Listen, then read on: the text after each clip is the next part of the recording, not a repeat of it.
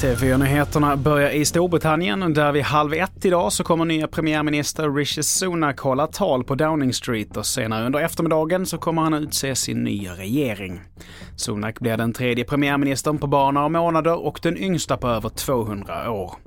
Och vidare till Malmö, där det har brunnit i sju bilar på flera ställen runt om i området Söderkulla natten till idag. Larmen kom in till räddningstjänsten strax före klockan fyra och man uppmanar boende i området att fortsatt hålla fönstren stängda på grund av röken. Polisen misstänkte att bränderna är anlagda och man söker tips ifrån allmänheten. Och till sist, den nya regeringens klimatpolitik riskerar att leda till påtagligt ökade utsläpp. Det visar Klimatkollens beräkningar som bygger på partiernas föreslagna klimatåtgärder.